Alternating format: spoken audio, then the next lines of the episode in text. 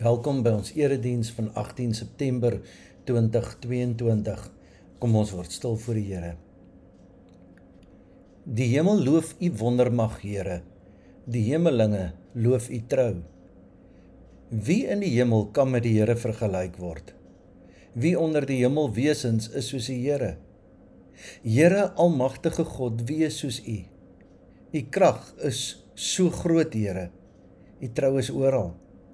U heers oor die onstuimige see. As hy golwe opstaan, laat U hulle bedaar. Amen. Ek groet julle in die naam van die Vader en die Seun en die Heilige Gees. Kom ons bid saam.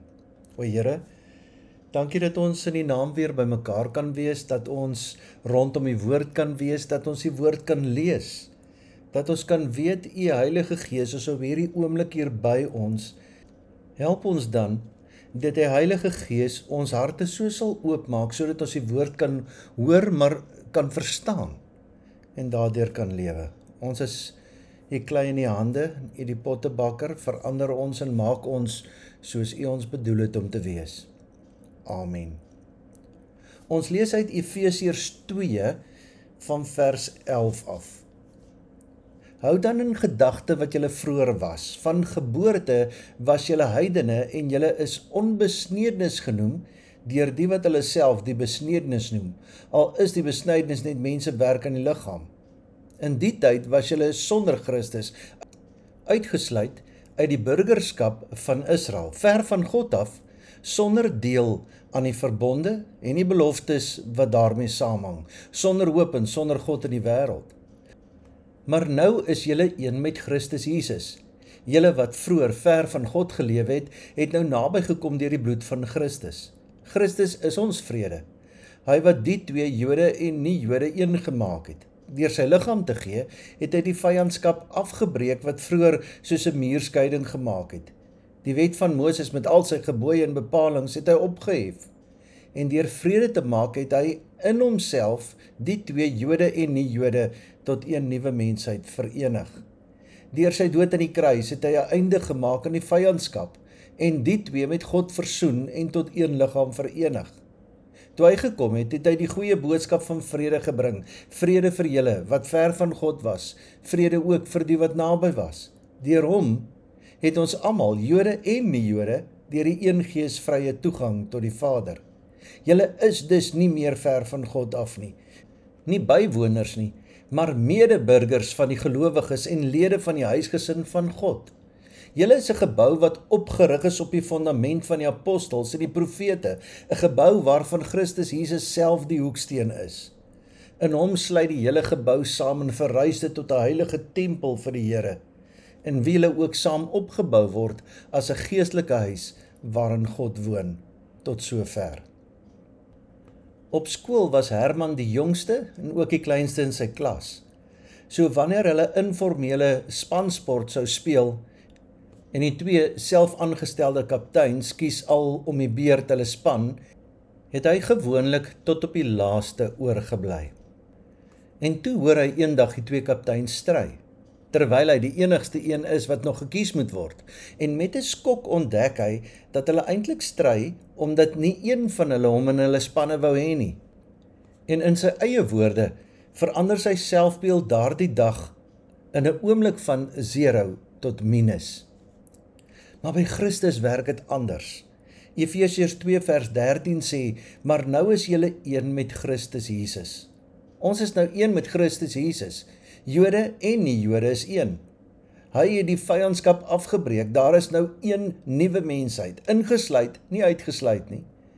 Dit was nog 'n boodskap wat heeltemal nuut was in Jesus se tyd, want die Jode het 'n spul reëls gehad juis om mense uit te sluit. Die heidene moes buite bly. Vroue en kinders mag nie eens saam met hulle mans geëet het nie. Die mans is bedien en dan moes die vrouens en die kinders eenkant gaan eet.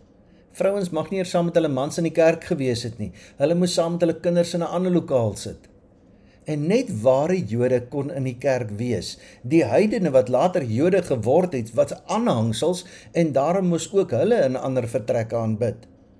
En so was daar reël op reël wat mense uitgesluit het. En hier kom Paulus en hy gooi alles omver. Hy sê dat Jesus alles kom verander het.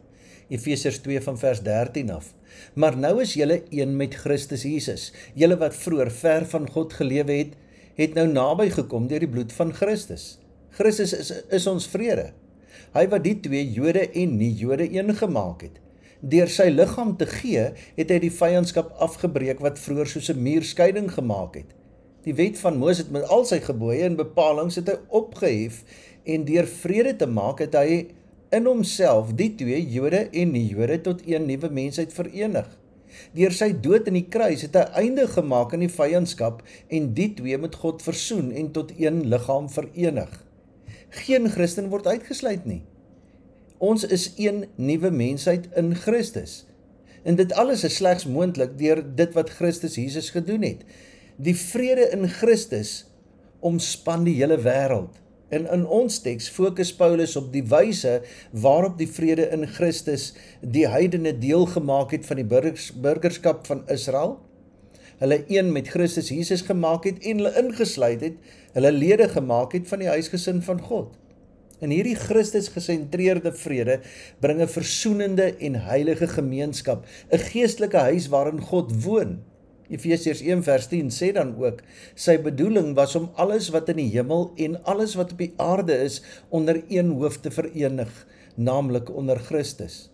'n Sentrale aspek van God se plan om alles in Christus verenig is die samevoeging van Jode en nie-Jode in Christus. God wil nie hê dat ons aanhou op mense se verskille te fokus nie. Dit gaan nie oor ras en taal en geslag of status nie. Dit gaan nou oor die feit dat Christus ons gekies het. En as Christus iemand in sy span gekies het, wie is ek dan om nie daardie persoon te aanvaar nie? Ons is een span. Ons is liggaam van Christus. Ons is Christene. Nie een is beter, belangriker of het meer waarde nie. Dit gaan nie meer oor ons verskille soos Paulus hier sê Jood of nie Jood nie. Ons is mos deur Christus almal deel van God se gesin gemaak. Christus het ons kom kies. Christus het ons deel van sy liggaam kon maak. Ons kom volgens die destydse Jode uit die heidendom.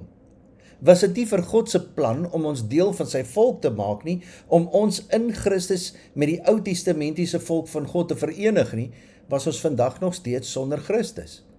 En God gaan nog verder om mense wat van mekaar verskil in Christus tot een versoenende mensheid saam te voeg. Efesiërs 2:14 Christus is ons vrede.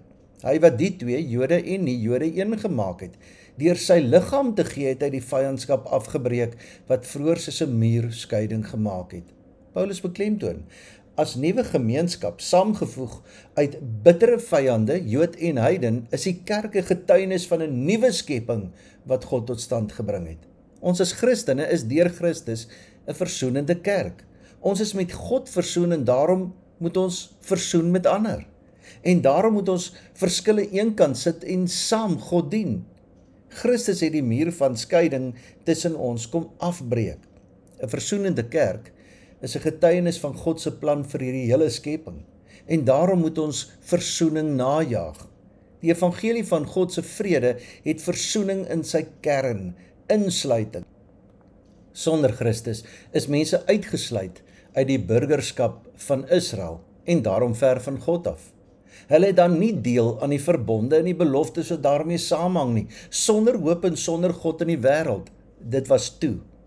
Maar nou het hulle status verander. Efesiërs 2 vers 19. Julle is dus nie meer ver van God af nie, nie bywoners nie, maar medeburgers van die gelowiges en lede van die huisgesin van God. Hulle is een met Christus. Nie Jode het in Christus naby gekom. Hulle is nie langer bywoners nie, maar medeburgers van die gelowiges en lede van die huisgesin van God. Hulle was vroeër ver van God in Christus, maar nou het hulle naby gekom, naby aan Christus, naby aan die volk van God, die lede van God se verbondsmense. Die evangelie verander die posisie van hierdie nie-Jode ten opsigte van die volk van God, destyds ver, nou ingesluit. God maak diegene wat nie deel is nie in Christus deur geloof deel van die volk van God. En hierdie insluiting gebeur danksy die bloed van Christus. Julle wat vroeër ver van God gelewe het, het nou naby gekom deur die bloed van Christus. Niks van hierdie goed gebeur deur die wonderlike lewe van die mens nie, selfs ook nie deur die keuse van 'n mens nie. Efesiërs 2 vers 13 en 14. Maar nou is julle een met Christus Jesus. Julle wat vroeër ver van God gelewe het, nou naby gekom deur die bloed van Christus. Christus is ons vrede. Hy het die twee Jode en nie Jode een gemaak. Deur sy liggaam te gee, het hy die vyandskap afgebreek wat vroeër soos 'n muur skeiding gemaak het. Hoe het Christus hierdie eenheid met God en eenheid tussen Jode en nie-Jode bewerkstellig? Hy het homself gegee. Hy het homself gegee. Ons is verenig deur sy liggaam. Christus het al die wette wat grense tussen Jode en nie-Jode gebring het kom weggeneem. Die wet het vyandskap gebring tussen Jood en nie-Jood, want die een groep het sekere dinge nie op 'n Sabbat gedoen nie en die ander het nie die Sabbat onderhou nie. Die een het hulle kos op 'n sekere manier geëet, die ander een nie. Die een was rein en die ander groep in hulle oë was hulle onrein. Diegene wat hulle self die besneerdes en gedooptes genoem het, het neergesien op die wat gebore heidene was, die onbesneerdes, die ongedooptes. Die tempel het oor 'n muur beskik wat die nie-Jode uitgesluit het. Dit was 'n grensmuur wat verhoed het dat die tempel in Jesus se woorde 'n huis van gebed vir al die nasies geword het. Die implikasies van die manier hoe die Jode die wet onderhou het, het ander mense uitgesluit. Christus se koms het hierdie skeiding tot 'n einde gebring. Die Jode wat tot geloof in Christus gekom het, hoef nie eers die Joodse lewenswyse en wetsonderhouding oor te neem om volgelinge van Jesus te kan wees nie. Christus het die wet opgeskort in soverre die wet uitsluit en vyhandig het bevorder. Christus wys diegene tereg wat die wet wil gebruik om skeiding te bring en wat nie die nuwe era wat Christus ingelei het wil erken nie. Christus forceer nie Jode om nie Jode te word nie of nie Jode om Jode te word nie. Christus laat die verskeidenheid toe terwyl hy vir elke gelowige 'n nuwe primêre identiteit gee, die status dat ons almal in Christus Jesus is. Christus is ons vrede. Christus is die vredemaker tussen groepe. Ons as Christene, ons as gemeente is die woonplek of tempel van God. En hierdie tempel is heilig. Heilig beteken om afgesonder te wees vir 'n spesiale verhouding met God en veral met 'n spesiale doel in God se plan. Gelowiges groei as heilige tempel wanneer hulle toenemend God se genade ontdek, God se vrede beleef en toenemend eenheid in Christus vertoon as God se doel met hierdie wêreld. Efesiërs 2 herinner ons dat jou hele Christendom gerig moet wees op God se doel om alles en almal in die skepping onder Christus as hoof te verenig. Ons lewe deur hierdie versoening en vrede met Christus Jesus.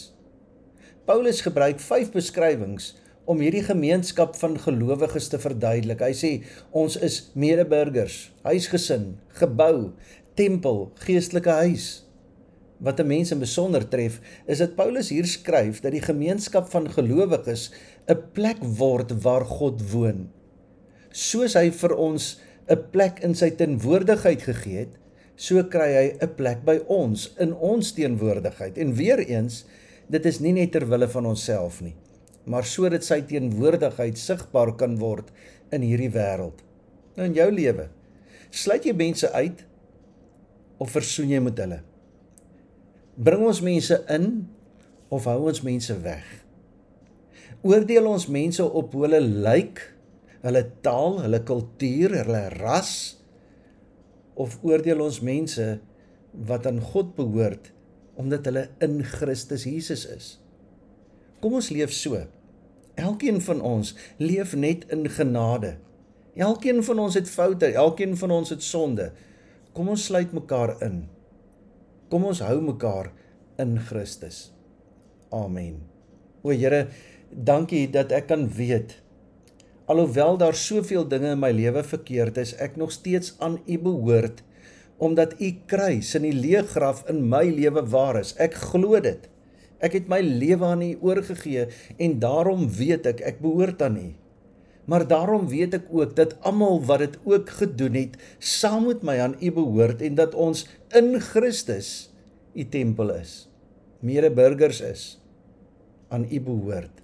Help ons om in versoening te leef en versoenend uit te gaan wanneer ons met ander mense te doen het. Amen. Die Here sal julle seën en julle beskerm. Die Here sal tot julle redding verskyn en julle genadig wees. Die Here sal julle gebede verhoor en aan julle vrede gee. Amen.